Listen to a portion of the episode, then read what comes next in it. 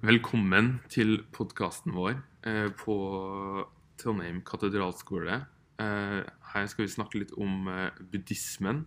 Og da skal vi snakke om sentrale trekk innenfor buddhismen, som historien til i dag, etikk, tekster og estetiske og rituelle uttrykk. Samtidig skal vi også drøfte litt om religionsetikk og drøfte syn på kjønn og kjønnsroller i buddhismen. Eh, Det vil også komme en liten oppsummering og konklusjon av hva vi har drøfta til slutt. Eh, Med meg i dag så har jeg meg selv, Ole Magnus. Eh, Jenny. Kristine og Karina. Så jeg skal starte med å snakke litt kort om historien og hvor utbredt buddhismen er i dag. Så buddhismen ble grunnlagt i Nord-India på 400-tallet før vår tid av Buddha, altså denne indiske prinsen eh, Siddhartha Gautama. Så litt senere, på 200-tallet før vår tid, så oppsto de eldste buddhistskolene, og eneste og den eneste gjenlevende av dem der er Theravada, som er en av hovedretningene innenfor buddhismen.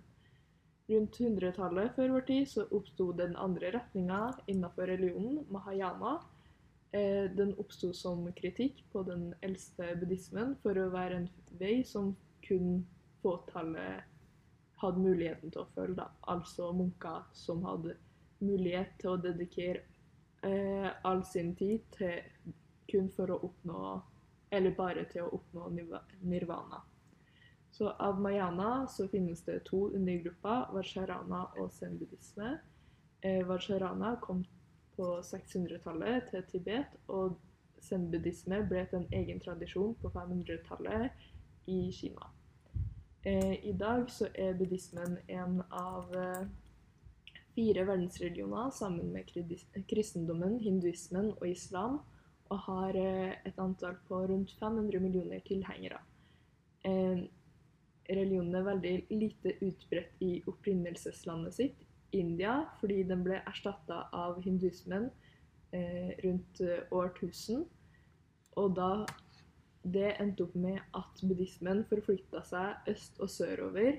Så i dag er religionen mest utbredt eh, i Sør- og Sørøst-Asia, Himalaya, Tibet og Mongolia. Den har også begynt å spre seg, men den religiøse læreren har også begynt å spre seg til resten av verden. Og den i dag så er det bare 2% av den indiske befolkninga som er buddhistisk. Basert på tall fra 2013 så var det omtrent 370 millioner mahayana-buddhister, 105 millioner theravada-buddhister og 25 millioner vajrayana-buddhister. Men det her er jo veldig gamle tall. Men vi kan også regne at eh, det ikke har skjedd veldig store endringer i tallene. da.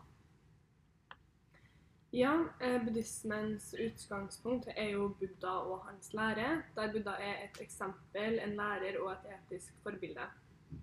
Etikk er læren om moral. Eh, læren om hva som er rett og galt, og hvordan man bør handle. Der moral er handlingene man gjør, og om de her handlingene anses som rett eller galt, og de normene, verdiene og holdningene som avgjør hva som er rett og galt. Buddhismen setter eh, etikken sentralt, og eh, Buddha brukes som et eksempel på hvordan man burde handle gjennom de åtte delte veiene og de fire sannhetene, som jeg kommer til å snakke litt mer om etterpå. Eh, buddhismen er en religiøs og filosofisk lære der man gjennom sin etikk har prega kulturene som buddhismen har vært i kontakt med.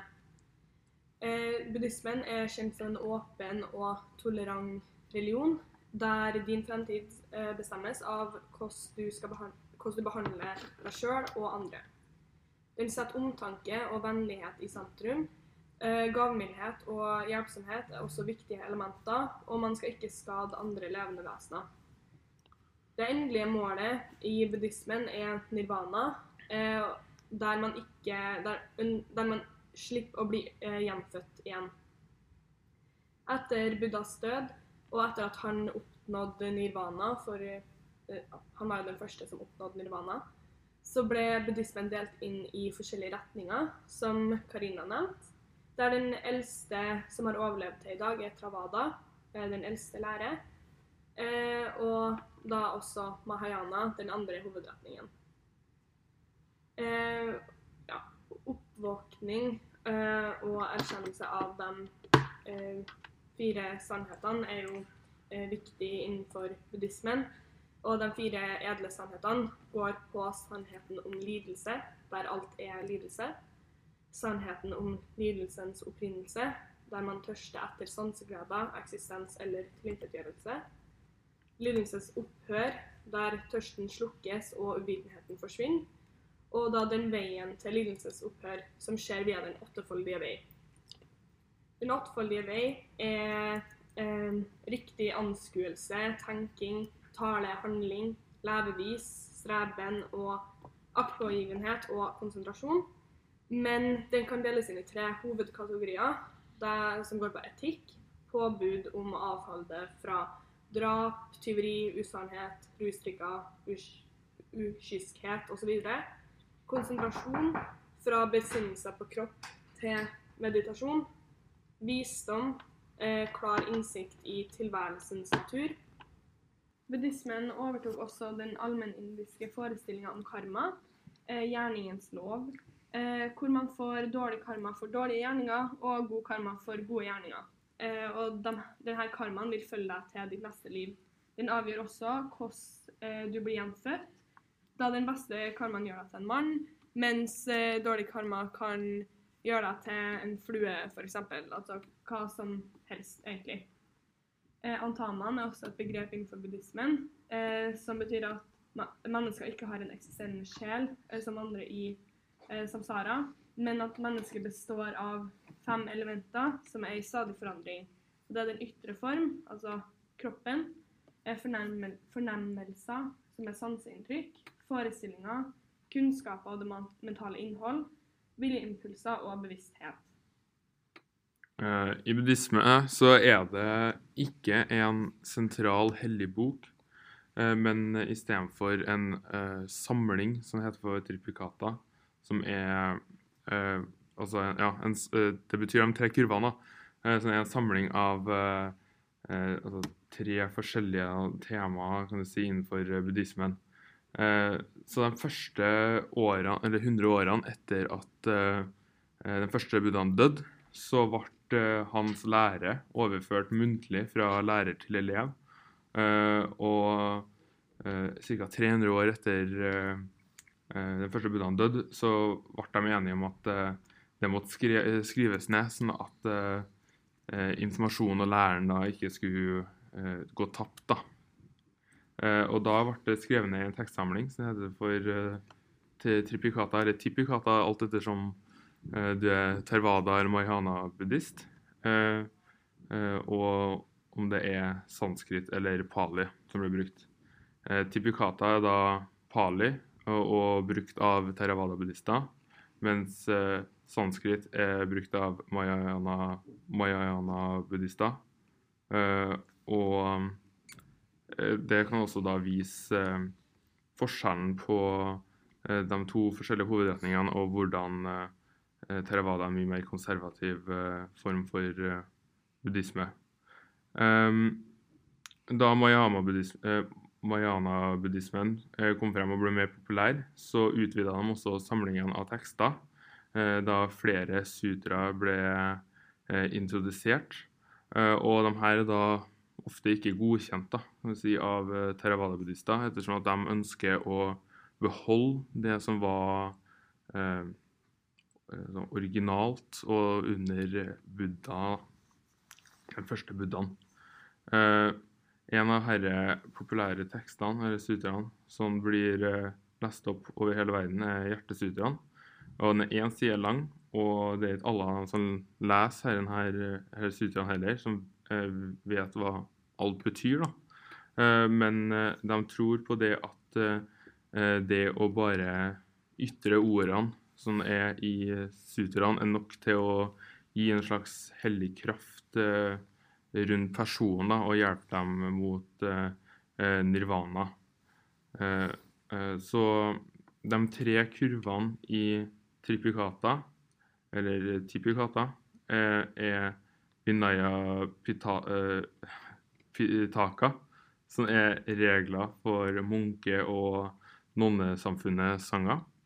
Uh, Den andre kurven er sutta pitaka, uh, som er det, samme, det er da der hvor sutraen, eh, sutraene, er, er samla.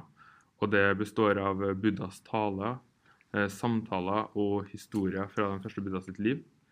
Eh, Og den siste kurven er Abid Hamapitaka, som er filosofiske systematisering og kommentarer fra læreren. Samtidig så inneholder også den siste eh, kurven eh, Dhammapada, som er en eh, skrift eh, i samlingen som eh, formidler det grunnleggende i buddhismen. Ja, og buddhismen bruker jo også en rekke ritualer og praktiske aspekt som er ment til å hjelpe på reisen til opplysning og bringe velsignelse over seg sjøl og andre. Som meditasjon, mantra, bønnehjul, mudra, mala og religiøse ofringer. Praksisen med meditasjon står ganske sentralt i nesten alle former for buddhisme, og den kommer direkte fra Buddhas erfaringer og læresetninger. Meditasjon er bl.a. det sentrale fokuset i ben-buddhismen, og det er den eneste måten å frigjøres i theravada-buddhismen. Og en form for sånn mental konsentrasjon som til slutt kan føre til opplysning og åndelig frihet. Det er hovedsakelig to hovedtyper av buddhistisk meditasjon. Eh, vipassana, som betyr innsikt, og samata, som betyr ro. Og de blir ofte kombinert eller brukt etter hverandre, spesielt siden det grunnleggende formålet med samata, eller ro-meditasjon, er å stille sinnet og trene på konsentrasjon, mens formålet med innsiktsmeditasjon er å realisere viktige sannheter. Spesielt, håp, spesielt håper jo den som praktiserer eh, vipassana og innse sannhetene om forgjengelighet, lidelse og det såkalt ikke-selv. Og meditasjon da, det praktiseres ofte sammen med det som kalles mantra, som på sanskrit betyr hellig ytring, som kan være et ord, en setning, en tanke, til og med en lyd, men for å gi klarhet eller åndelig veiledning. da. Mantra kan være spesielt nyttig i den meditative prosessen, siden det lar buddhister på en måte blokkere ut alt annet mens de fokuserer, og finner på en måte sannheten inni seg sjøl. Eh, tibetanske buddhister synger mantraer f.eks. gjentatte ganger som en del av meditasjon, og ofte ved hjelp av sånne her mala-perler for telling. Ja, eh, etikken eh, i buddhismen handler jo om åpenhet osv. Eh, og jeg nevnte jo tidligere karma. Eh, og nå skal vi jo drøfte litt hvordan eh, karma spiller inn på denne etikken, og om det faktisk er etisk riktig, i og med at eh, buddhismen sier at handlinger du har begått i ditt tidligere liv, påvirker det livet du har eh, nå, og at du ja, hvordan du ble født da, og når du ble født som en baby, så har du allerede dårlig eller god karma som utgangspunkt for livet ditt. F.eks. hvis du er fun- funksjonshemma, så har du begått, eh, fått eh, eller hatt dårlig karma i ditt tidligere liv. da. Personlig så synes jeg at det er feil å si det at uh, noen som er født eh, funksjonshemma, uh, må på en måte skylde på seg selv for at de har i sitt tidligere liv eller uh, ja, har da oppført seg dårlig i forhold til eh, hva som eh, altså, den første Buddha mener var riktig og feil. Eh, og det at eh, det er unødvendig å liksom få sånne folk til å klandre seg selv for at de har da tydeligvis Eller eh, eh, kanskje gjort noe som har gitt dem dårlig karma tidligere. Og det syns jeg blir galt. ja. Jeg er veldig enig i det utsagnet, fordi jeg tenker jo at eh, eh, mer på det biologiske aspektet. da. Eksempel så er det jo mange sykdommer, eh, eller medfødte sykdommer, som er eh, Årsaken til dem er jo mutasjoner som har skjedd i genene. Og jeg føler jo at det er lite man får gjort med det, og det er mer sånn naturens gang, da. Og det skjer ukontrollerbart. Men det, jo, det buddhistene mener, er jo det motsatte. Den mener jo at grunnen til at du f.eks. har vært uheldig, er fordi at du har utført eh, dårlige handlinger i ditt tidligere liv. Da. Men samtidig så er det jo også Så mener de jo også at eh, dersom f.eks. det skjer et jordskjelv i et land da, som rammer hele landsbyen, som, eller ja, skjer et jordskjelv på et sted som rammer en hel landsby, så er det jo mange som mener at det blir feil å straffe alle sammen. Så det kan jo være at eh, For det er jo, veldig litt sannsynlig at alle har utført veldig dårlige eller egoistiske handlinger i sitt tidligere liv.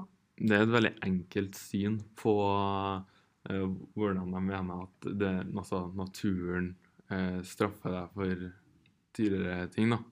Med tanke på at, sånn som du sa, at hvis det skjer et jordskjelv som kan dra flere tusen mennesker, så er det veldig lite sannsynlighet for at alle har vært eh, på en måte eh, dårlige buddhister. Og eh, jeg? Syns at eh, det er litt sånn eh, eh, Hovedbudskapet i karma med det at man skal ikke være egoistisk og prøve å hjelpe andre og sånt, er et bra budskap. Men videre enn det med det at eh, man kan forvente eh, veldig ille eh, konsekvenser for det å være egoistisk, det syns jeg er dårlig. Det blir jo en slags trussel for mange. Som Ole Magnus sa, så er jo budskapet med karma på en måte godt, da, men det gjør jo at folk på en måte gjør gode handlinger i frykt for en straff. I tillegg så Tilbake til det med funksjonshemmede mennesker, da. Så det å si at de har hatt dårlig karma og de ble født uheldig, er jo også ikke helt riktig å si. Eh, mange med funksjonshemmelser er jo, eller lever jo veldig eh, gode liv og er fornøyd med det livet de har. Eh, og eh, man gir jo på en måte funksjonshemmede et ganske negativt syn da, eh, ved å si at de ble født feil, på en måte, og at det er pga. at de hadde gjort noe dårlig og feil i sitt tidligere liv. Mm, I buddhismen så er det jo ingen gud som sitter og på en måte dummer eller sånn, dummer jo de e- etiske handlingene som man gjør, som det snarere er i kristendommen og i islam. Det er heller en sånn her psyko-åndelig lov, sånn hva man faktisk mener rett og galt, hvilke intensjoner man har, hvilken atferd man har da, som fremmer det her, da. Eh, som er med da, på på en måte å ja, avgjøre om noe, en handling da, generelt anses for å være etisk eller uetisk. Eh, På den måten så er jo buddhismen ganske lik andre eh, religioner med at eh, Eller sånn, den, den er ulik i og med at de ikke har en dommer, men samtidig igjen så er det jo det med frykt for straff. At er det på en måte etisk riktig da, at man gjør gode handlinger fordi man er redd for å bli straffa sjøl, istedenfor å faktisk gjøre de gode handlingene fordi det er riktig å gjøre dem. Ja, det åpner jo til et slags type paradoks, da. For jeg mener jo at uh, Uh, eh, altså handlingene dine skal bli gjort uh, godhjerta og uten egoistiske tanker bak det. Uh, men eh, hvis man vet at karmaen eksisterer, og det at dårlige handlinger vil eh, eh, føre til konsekvenser, så er det jo egoistisk med tanken på at de gjør det for at de ønsker å sikre seg selv en bedre framtid Mm. eh, senere en gang. Og eh, dermed ødelegger jo det litt for eh, karmaen, når jeg mener at det her skal være altså, til dels naturlig. da. Eh, så i den forstand så holder jo ikke karmaen så veldig eh, opp, da. Men eh, samtidig så er det jo i noen av de buddhistiske tekstene hevda at enhver handling som utføres med en god motivasjon, regnes som en god handling. Så den kan uansett ha en dårlig motivasjon, men at den fokuserer mer på altså, hva du legger til grunne for handlingen. Mm. Men du legger til grunne for handlingen som er da eh, Altså at du skal få det bedre, er det fortsatt en god motivasjon? da? Det er jo det som er spørsmålet, på en måte. Eh, et annet problem med karma, eh, som er en god eh, ledende introduksjon til vårt neste tema, eh, som er religion, liksom buddhismens syn på kvinner og kjønnsroller, er jo at eh, buddhismen mener at kvinner eh, har dårligere karma enn menn, eh, og at de har dårlige eller kvaliteter da, som vises ved at liksom, det er av den dårlige karmaen. Og det har jo buddhismen blitt kritisert for. Ja, tidlig i eh, buddhismen så var det jo, var jo han, eh, den første buddhaen imot at eh, kvinner skal få lov til å delta i eh, eh, altså munke- og nonnelivet. Eh, og det eh, skulle ta litt eh, tid og litt mas fra eh, andre, altså fra kvinner eh, til å la dem få lov til å delta i eh, sanger, altså eh, å delta i sånn eh, klosterliv, da. Eh, og de tror jo at det var hans mor, eh, eller sin mora døde tidlig, så var det tanta da, som eh, spurte eh, veldig mye om å få lov til å delta i det her. Og da ja, var han jo litt imot, da. For han mente at eh, det burde være klare eh, um, kjønnsroller mellom mann og kvinne. I tillegg så skylder han jo på kvinner eh, eh, på, med det at eh, de eh, er en av grunnene til at eh, menn ikke får til å oppnå eh, eh, nirvana, eller opplysningen, fordi at eh, deres eh, sånn fristelser ødelegger eh, for det klare eh, mindsettet man skal ha. Men samtidig så er det jo mange som mener at buddhistiske tekster forteller at kvinner og menn er likeverdige. Som for eksempel så uttrykte jo Buddha i en av de buddhistiske tekstene at etableringa av f.eks. nonneorden var en nødvendig forutsetning for at eh, religionen skulle bli danna. Og um, det er også mange som mener at Buddha lærte at kvinner eh, på lik linje med menn kunne oppnå nirvana. Da. Og at eh, kvinner og menn og at eh, kvinnediskriminering tydelig bryter med hva det han lærte bort. Ja, for eh, kvinnediskrimineringa skaper jo enda et paradoks, da. Med at alt Eller buddhismen handler jo for det meste om åpenhet, toleranse, vennlighet, gavmildhet osv. Men likevel så diskriminerer man andre på grunn av på en måte Hva skal man si, da? Eh, deres eh, ulykker da, i livet. At eh, de ble født kvinner, de ble født med en sånn eh, ja, disabilities osv. Um, ja. Det er sant, derfor buddhismen anser jo ikke kvinner som underordna menn, selv om buddhismen aksepterer de biologiske og fysiske forskjellene mellom de to kjønnene, så anser jo buddhismen menn og kvinner som like nyttige for samfunnet. Eh, Men samtidig så tror jeg det har masse med samfunnet på den tida buddhismen oppsto. Det oppsto i India, der det var spesielle sosiale normer og klasseforskjeller. Kvinner var sett på som en byrde for familien og ute av stand til å religiøse ritualer og gjen- gjennomføre det. Og de måtte alltid passes på eh, av familien, av fedre, menn, og så av eh, ungene sine etter hvert. Så de var jo mer sett på som en ulykke i familien på den tida. Så det kan jo ha mye med det å gjøre. Ja, og samtidig så har jo ikke samfunnet Eller samfunnet har jo gått ganske langt, men til og med i dag så ser vi jo at det er en forskjell på hvordan kvinner og menn blir behandla i samfunnet. Så det, man kan jo også si at buddhismen prøvde å finne en forklaring på eh, hvorfor det er sånn, da. Istedenfor å på en måte eh, være en grunn til det, om man kan se det på den måten. Heldigvis så har jo religion utvikla seg litt, da, og gjort at eh, på en måte kvinner får flere rettigheter eh, innenfor religion nå enn det de hadde før.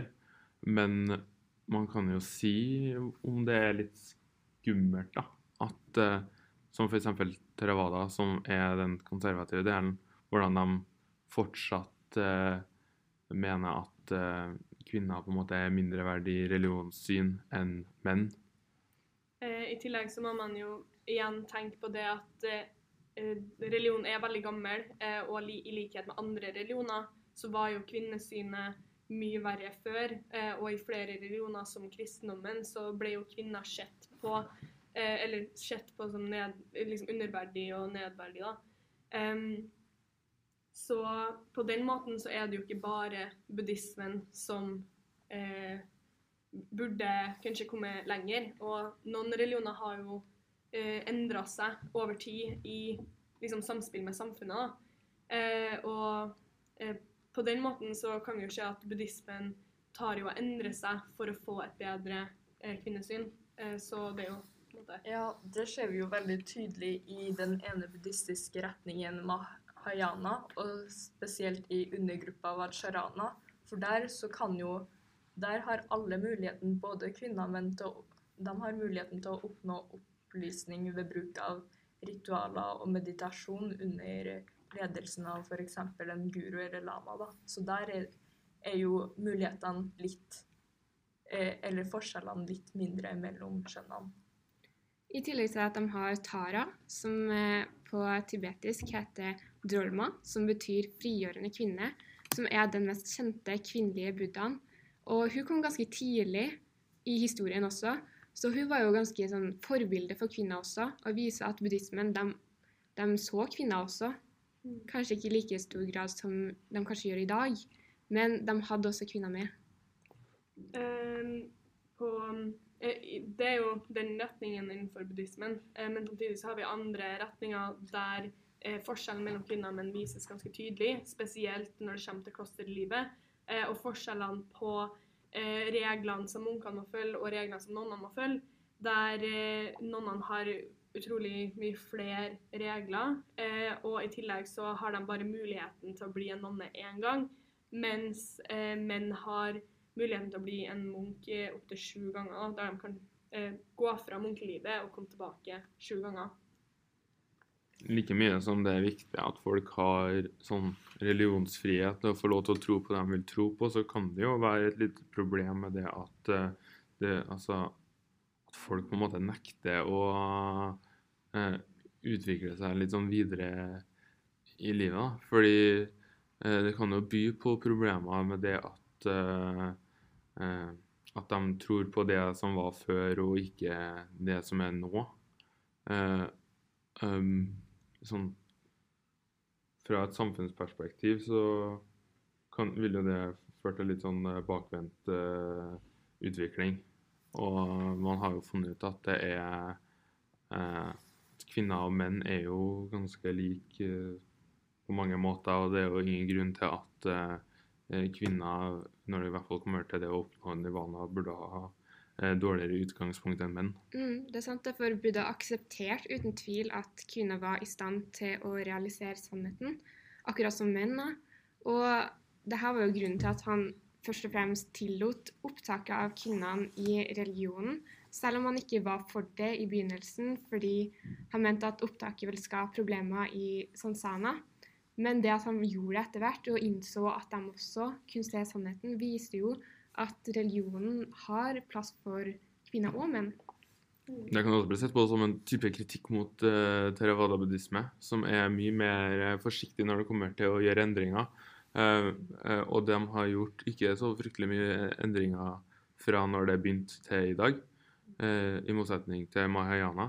Eh, men hvis da Buddha klarte å gjøre eh, endringer når han levde, som var bare på 80 år, eller 50 år da, fra liksom han begynte å utforske det med buddhismen til han døde, så burde jo også Theravada-buddhistene lære det at eh, endringer i det som blir sagt og gjort, er akseptabelt og for så vidt på mange måter nødvendig for at religion skal gå framover.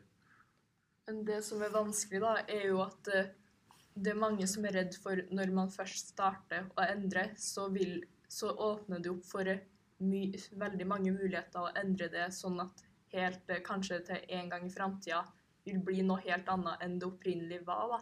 Sånn at mye av Buddha sin opprinnelige lære vil forsvinne. Og det er jo det samme man ser f.eks. i diskusjonen med moderne fikk og klassisk fikk i islam. Så der er det jo mange som ikke ønsker å endre på reglene, fordi de mener at eh, ja, at man burde beholde litt av tradisjonelle synet, og at man ikke burde gå bort fra det som opprinnelig var, eller dannelsen grunnlag, var der når religion ble grunnlagt. da. Men så lenge kjerneideene og sånt i buddhismen blir beholdt, så burde jo ikke det at kvinner får en større stemme, eh, være noe problem sånn eh, utfordre buddhismen i det hele. Fordi det er jo bare eh, altså en enkel sak eh, i buddhismen, og det er mye mer også i buddhismen som for så vidt kan endres på, men som ikke går i strid med det eh, Buddha opprinnelig ønska. Så da har vi snakka om buddhismens lange og utdypende historie, om hvordan den oppsto og de ulike retningene innenfor buddhismen. I senteret av buddhismen så står jo etikken, eh, hvor vennlighet, toleranse og åpenhet står veldig sterkt. Eh, de åttedelte veier og de fire sannhetene viser hvordan man skal oppnå nirvana og målet i buddhismen. Buddhismens tekster kan være hjelpemidler i tilbedelsen av religionen. Tekster som eh, Tiputaka, Buddhas lære skrev ned, selv om de ikke har en sentral hellig skriftbok. De praktiserer en rekke ritualer som meditasjon og andre former for bevegelser og åndelige, åndelig tro. Da. Og buddhismen er kjent for å være åpen og tolerant, men likevel så er det noen problemer når det kommer til kvinnesynet i religionen og etikken i forhold til i dag og verdenssamfunnet. Takk for oss. Takk for oss. Ja, og de kildene vi brukte, var hovedsakelig NDLA, eh, Store norske leksikon og I samme verden, som er læreboka.